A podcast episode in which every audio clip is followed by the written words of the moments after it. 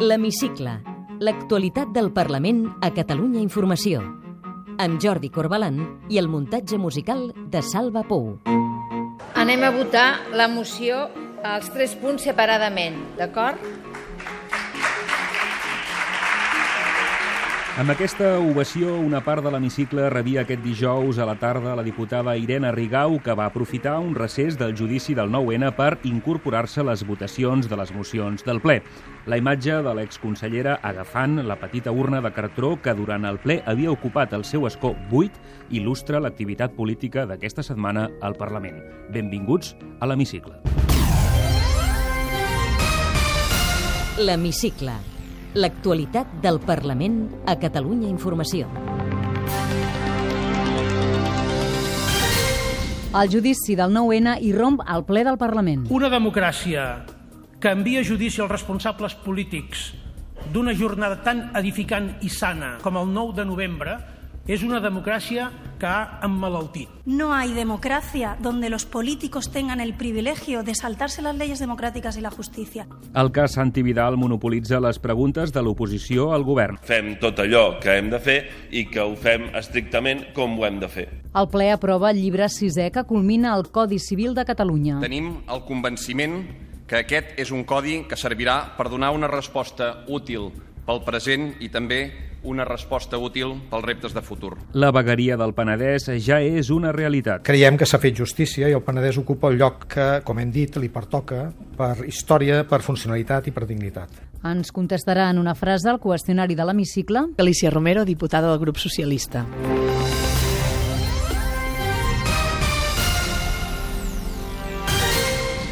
El judici del 9-N va entrar dimecres en el ple del Parlament. El president de la Generalitat, Carles Puigdemont, per primera vegada i de manera excepcional, va fer ús de la potestat que té per adreçar-se a la cambra. Arran del judici del 9-N, Carles Puigdemont assegurava que la democràcia espanyola està emmalaltida i retreia a Rajoy que dialogui amb Trump i que no ho faci amb Catalunya. A l'hemicicle no hi era la diputada Irene Rigau, que seia al banc dels acusats pel judici del 9-N. Al seu escó hi havia una petita urna de cartró. Aquest era el retrat de la situació que en va fer el president Puigdemont.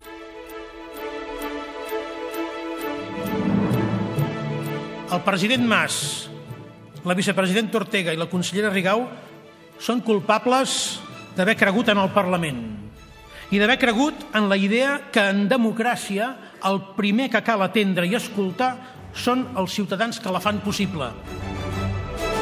Una democràcia que envia a judici els responsables polítics d'una jornada tan edificant i sana com el 9 de novembre, una jornada que crea un profund i noble sentit de ciutadania, és una democràcia que ha emmalaltit. I ja ve de lluny perquè es pot subvencionar la Fundació Francisco Franco i es pot homenatjar la Divisió Azul mentre s'acusa de nazi el president de la Generalitat per haver posat les urnes. Perquè es pot anar a consolar i acompanyar convictes de terrorisme d'estat, però no es pot tolerar que s'acompanyi els acusats de permetre un procés participatiu pacífic i exemplar.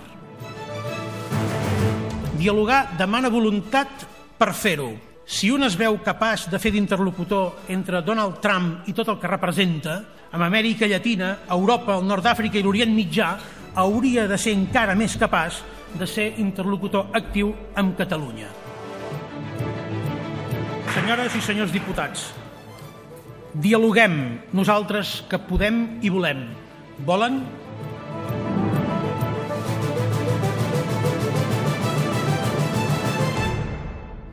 Els partits unionistes, Ciutadans, el PSC i el Partit Popular van replicar a Puigdemont que fora de la llei no hi ha democràcia. Ho expliquem amb Carme Montero.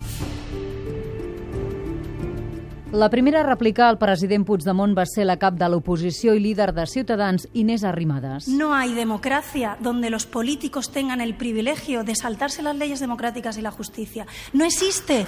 No sé en qué tipo de, de país antidemocrático se inspiran ustedes, pero no existe democracia donde ustedes pueden hacer lo que quieran. Porque aquí sacan muchas veces pecho, pecho diciendo que desobedecieron porque el Tribunal Constitucional no es competente y luego delante del juez, bueno, yo no lo sabía, fueron los voluntarios. En la mateixa línia, des de Catalunya sí que es pot, Lluís Rebell també va retreure al govern que utilitzi un doble llenguatge amb la desobediència. El va replicar des de la CUP, Anna Gabriel. O es desobeix o no es desobeix. El que no es pot fer, i us ho diem gent, i us ho diem gent, perdoneu, alguns hem desobeït. I quan desobeeixes, acceptes les conseqüències de la desobediència.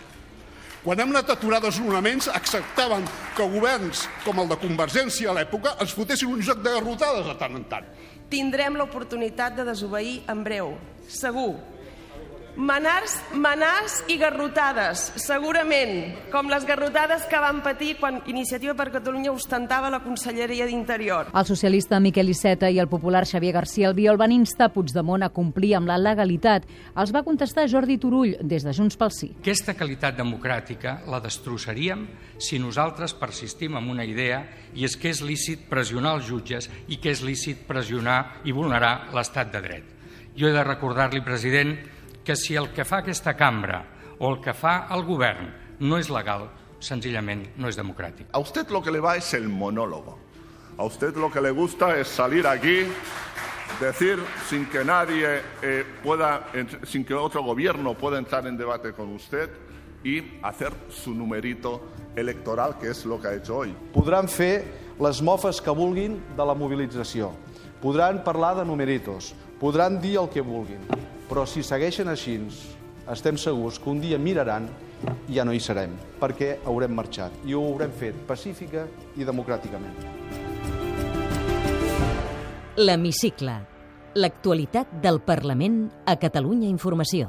I l'habitual sessió de control al govern i al president de la Generalitat va estar marcada en bona part per les preguntes de l'oposició sobre el cas Santi Vidal. El president Puigdemont va afirmar amb rotunditat que el govern no ha obtingut cap dada il·legal dels catalans. Sessió de control. Carles Puigdemont, replicant al líder socialista Miquel Iceta, es pronunciava per primer cop sobre les afirmacions de Santi Vidal, del qual va lluar la ràpida decisió de deixar el càrrec de senador. Vull que vostè digui a aquesta cambra si està disposat a desobeir el Tribunal Constitucional i a prendre decisions que trenquin amb la legalitat. I també m'apresso a dir-li, si no troba alternatives a la desobediència o a la legalitat, si no es veu en cor de fer les coses d'una altra manera, acabi amb aquesta legislatura estèril i convoqui eleccions. Aquest govern no ha obtingut i no obtindrà, mentre jo sigui president, cap dada de manera il·legal i il·lícita. Més clar no es pot dir. El líder dels populars, Xavier García Albiol, va reclamar al president Puigdemont que deixi de fer llistes de jutges i funcionaris i que prioritzi les preocupacions reals dels catalans. Sentim García Albiol i la rèplica del president Puigdemont. Fa llistes d'aquells funcionaris que estan disposats a anar a tocar les palmes a la romeria que van organitzar el passat eh, dilluns. Si tant els hi agrada fer llistes de catalans Sisplau, sense bons i dolents, silenci. que es preocupin de les llistes que de debò són les importants. Vostè ha parlat de llistes i ha tingut avui el detall de no esmentar la llista de Schindler, perquè suposo que li ha donat temps a veure la pel·lícula d'ençà que va fer aquella consideració desafortunada i avui mateix. Però si vol parlem de llistes. Jo en tinc una de molt llarga. Miri, aquesta. La porto sempre a sobre. Són els 46 punts. Uh, una llista que parla dels problemes que interessen a la gent. La líder de Ciutadans, Inés Arrimadas, va optar per preguntar al president per la corrupció. Solo le noto cómodo hablando del 9N, pero en Cataluña va a haber más juicios que, los del, que el de 9N. Por ejemplo, Yo le pregunto, cuando llegue el juicio del Caspalau y del 3%, ¿usted va a hacer una declaración institucional contra la corrupción como hizo el lunes con el 9N? ¿Usted va a pedir a los funcionarios que se cojan el día de fiesta para ir a manifestarse a la puerta del juzgado? ¿Ustedes van a organizar una performance desde Plaza Sant Jaume hasta el tribunal? Naturalment que aquest és un govern compromès contra la corrupció, com no podia ser. Probablement més que vostès que vostès no tenen cap problema fer president de govern el president d'un partit del més corrupte de la història d'Espanya. Des de Catalunya sí que es pot, Lluís Rebell va preguntar al president si pensa complir les més de mil esmenes que l'oposició ha introduït als pressupostos. Avui és el dia de Vidalàndia. Eh, em permetreu que no faci una incursió en aquest país imaginari, però que seguint en el registre fantasiós us pregunti pels pressupostos. Els pressupostos, si són una fantasia o no, serà responsabilitat del Parlament que és qui elabora els, qui aprova els pressupostos, qui incorpora no les esmenes, que de manera, entenc, responsable els grups parlamentaris formulen, havent calculat allò que costen, allò que es promet en el territori i es quantifica i els diners disponibles que té el govern. I el copaire Carles Riera va interpel·lar Puigdemont per l'acollida dels refugiats. La Unió Europea ha fracassat en les seves utopies de territori d'acollida i participa en la construcció o legitimació d'aquests murs, mentre en l'aire d'interiors mitjançant el racisme i la xenofòbia com ja ho ha acreditat aquest govern i com ho farem tantes vegades que calgui, amb un compromís absolut, eh, irrenunciable, compartint aquest compromís amb els actors també de la societat civil que, que ajuden a tirar-lo endavant i plantant-nos davant dels incompliments de l'Estat o de la negligència de l'Estat a assumir aquella responsabilitat que té encomanada encara com a Estat per acollir dignament els refugiats. La sessió de control als consellers va estar centrada en bona part per les preguntes de l'oposició al vicepresident Junqueras i el conseller Mundó per les afirmacions de l'exsenador Santi Vidal sobre el procés. Oriol Junqueras va respondre reiteradament explicant la feina que està fent el seu departament per desplegar l'agència tributària. Sentim-lo responent les interpel·lacions de la socialista Alicia Romero i del popular Alejandro Fernández. Un prec no enganyin més, no fagin falses esperances a aquella gent que té tantes il·lusions dipositades en vostès. De veritat, no tirin la pilota endavant només pensant en, en el tacticisme del demà.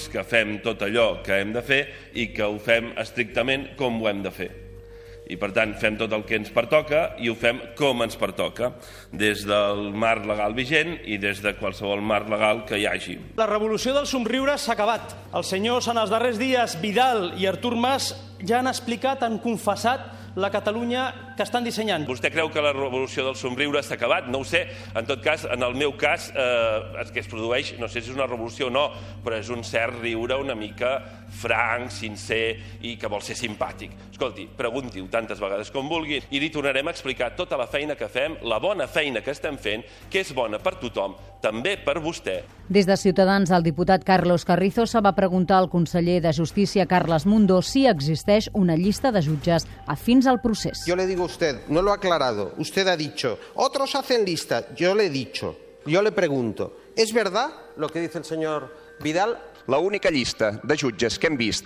a Catalunya és la que va fer un diari editat a Madrid assenyalant 33 jutges per pensar com pensen i publicant les fotos de la base de dades del DNI de la Policia Nacional.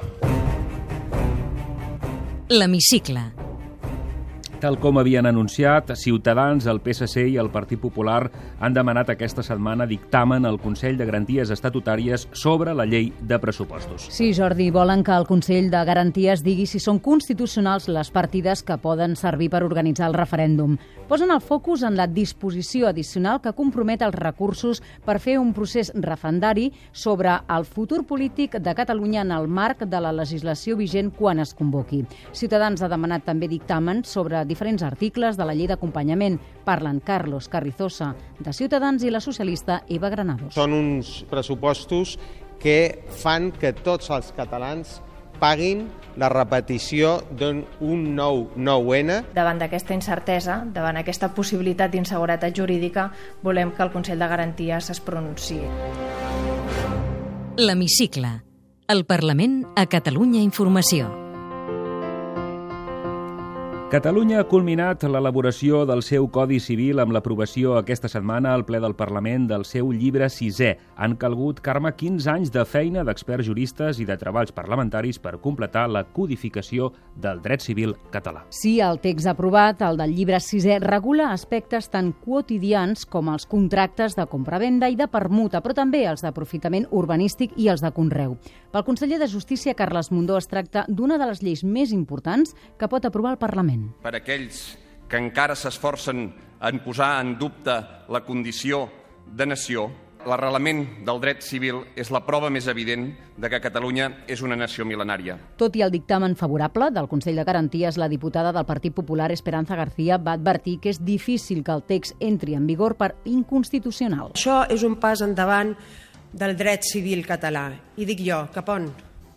cap al Tribunal Constitucional, cap a un nou recurs d'inconstitucionalitat. Complementar la legislació catalana és aquest el pas.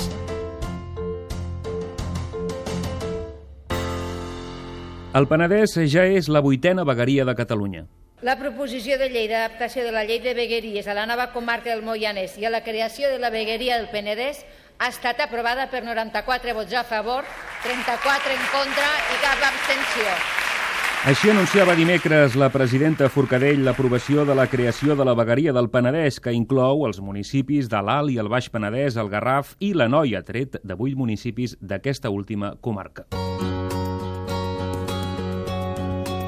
Alcaldes i veïns no es van voler perdre aquest dia històric pel Penedès. La reclamació de la vegueria va néixer fa 12 anys gràcies a l'impuls de la plataforma per una vegueria pròpia.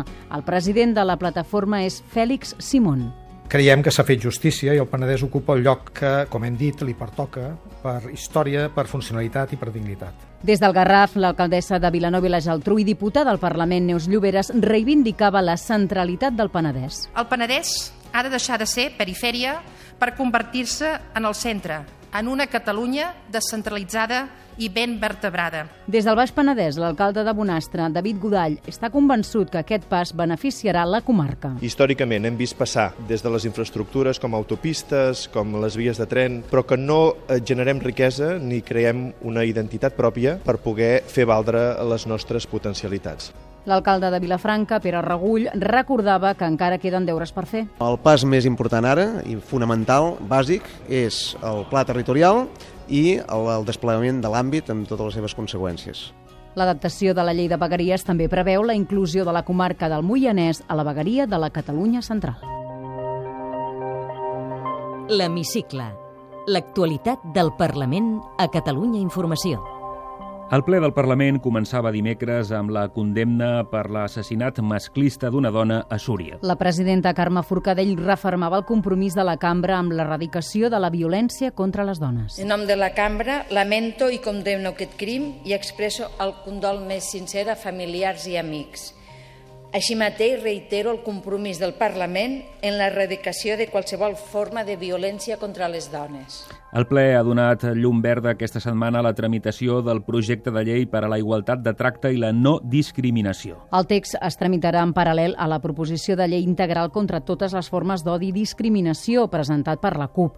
La proposició de llei dedica un títol sencer a la prevenció de l'assetjament sexual, demana que es tipifiqui penalment la incitació a l'odi i proposa crear una comissió de no discriminació a la Sindicatura de Greuges. I el Parlament ha acordat per pràctica unanimitat instar el govern a tancar aquest any la presó model de Barcelona. La moció demana que es garanteixi que el tancament de la model no comportarà cap pèrdua de llocs de treball entre el personal penitenciari i que es prioritzarà el criteri de proximitat a l'hora de reubicar els interns. El conseller Mundó refermava el compromís de decidir aquest mes si tanca la model enguany. Té sentit estudiar, avançar el tancament de la presó model abans no estigui completament construït un altre centre perquè el conjunt del sistema penitenciari ho permet.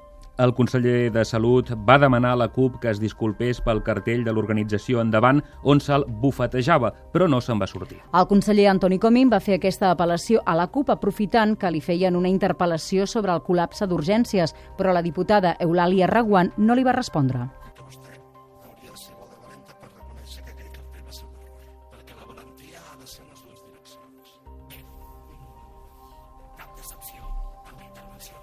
I l'activitat de la setmana que ve al Parlament estarà centrada en les comissions parlamentàries. Destaquem, Carme, les sessions de dimecres. Serà el dia en què el vicepresident Junqueras compareixerà a la Comissió d'Afers Institucionals per informar sobre la gestió de les dades fiscals per part del govern, arran de les afirmacions polèmiques de Santi Vidal. El mateix dia donarà explicacions davant la Comissió d'Economia al secretari d'Hisenda, Lluís Salvador.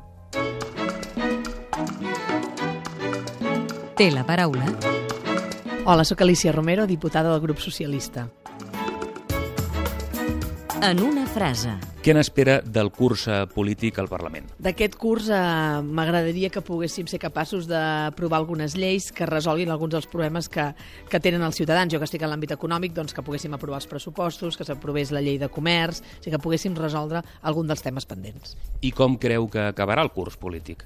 Crec que acabarà sense fer aquestes coses perquè, bueno, perquè evidentment el govern està, té una prioritat que és el procés i està treballant per fer un referèndum i aquest és el seu, no, el seu desgast d'energia va per aquí. Per tant, si dediques tota la teva energia als esforços aquí, segurament altres coses et queden pendents, no? i veu més probable abans el referèndum o unes eleccions? Jo veig abans unes eleccions que un referèndum. Què feia abans de dedicar-se de ple a la política? Abans de, de ser diputada al, al Parlament, que ho soc des del 2012, mm, treballava, vaig estar a Lleida treballant en un projecte de desenvolupament econòmic i després a l'Ajuntament de, de, de Premià de Gerent. Dels temes que porta al Parlament, quin l'omple més? Si m'hagués de quedar amb un, potser em quedaria amb aquell que fa referència a, al coneixement, a les universitats, a com aquest coneixement es transfereix al món empresarial. Un referent polític. Soc poc mitòmen, és a dir, tinc molts referents, molta gent eh, que em nodregi de la que he après, però no li podria dir un nom en concret. De jove, a la universitat, ja militava en associacions estudiantils i a la Joventut Socialista de Catalunya. Allà comença tot? Sí, sí, sí, de fet comença allà, comença a la GEC, comença a la Joventut Socialista, és on jo, doncs, bueno, eh, d'alguna manera desenvolupo les meves inquietuds polítiques, sí, sí. I d'aquells estudis de solfeig i de piano al Conservatori del Liceu en queda alguna cosa? Bueno, hosti, tinc un piano a casa i el toco estones quan puc, l'hauria de tocar més, però amb nenes petites costa una mica. Digui'ns el seu principal defecte. Tinc molts defectes, sóc molt cabuda amb algunes coses, potser una mica orgullosa... I ara la seva principal virtut? Pues soc, no sé, soc una persona molt positiva, molt optimista, treballadora. Recorda què volia ser de petita? Mm, M'agradava diverses coses, no? Però vaig estudiar dret perquè realment volia ser advocada. I ja de petita el director de la meva escola deia que jo era la defensora de les causes perdudes. És puntual. Intento ser puntual. Si en tot cas si arribo tard, arribo minutets tard. Acolliria una família de refugiats a casa? Sí, sí, per què no? Sí. Quants diners porta la cartera habitualment? No masses, eh? 20 o 30 euros. Recorda quan ha pagat l'últim rebut de la llum? 220 euros o una cosa així. Viu de lloguer o de propietat? Vic de lloguer. Segona residència? No, tinc un pis de propietat eh, de quan era soltera, diguéssim, que, que el tinc llogat, però jo he vist de lloguer ara. On s'escapa quan vol desconnectar del tot? No tinc un lloc pre preferent, eh? Puc anar tant a la Costa Brava com al Pirineu, diguéssim. Fa esport? Sí, intento tot, fer tot el que puc, però sobretot el que faig és anar a córrer. Carn o peix? Soc més de carn. Té traça amb els fogons? Sí, m'agrada cuinar. I ens cuinaria ara mateix. Podria fer un pollastre rostit, eh, podria fer unes galtes de porc... Bueno, m'agrada bastant cuinar. Dorm amb el mòbil a la tauleta de nit? Sí, per desgràcia sí. Està enganxada alguna sèrie de la tele? No, amb nenes petites m'ha costat. És veritat que he estat molt enganxada de Good Wife. Sap aproximadament quants seguidors té ara mateix a Twitter? Mm, 4.000 i escaix. Recordi'ns un llibre que hagi llegit fa poc. Ara em costa llegir, llegir. Es, eh, és, ara estic llegint eh, alguns homes bons de, de Pere Reverte. La banda sonora que posaria a la seva vida? Mm, vàries cançons. Eh, Pedro Guerra, Serrat, Ana Belén i Víctor Manuel, eh, Sabina... Bueno, seria va, va, variada. De fet, quan em vaig casar, que vaig regalar un CD als convidats, hi havia allà bastanta banda sonora de la meva vida. Vostè viu ara a Mataró, però va néixer a Caldes d'Estrac. Digui'ns un racó de caldetes que no podem deixar de visitar. La platja, la platja dels Tres Micos, quals, qualsevol espai de la Riera... Bueno, és un ple petit que tots els racons són entranyables. Hi ha alguna cosa després de la mort? Segurament sí. I què l'omple més a la vida? La veritat, el que m'omple més és estar amb els meus, no? amb la meva família, amb els meus amics, poder disfrutar d'ells, tenir converses, eh, passejar... Bueno, estar amb la gent que realment t'estimes i t'entén i et respecta. Alicia Romero, diputada del PSC al Parlament, gràcies per ser avui a l'hemicicle. Gràcies a vosaltres. Podeu tornar a sentir l'hemicicle al web catradio.cat barra hemicicle i seguir l'actualitat del Parlament al compte de Twitter arroba cati-política.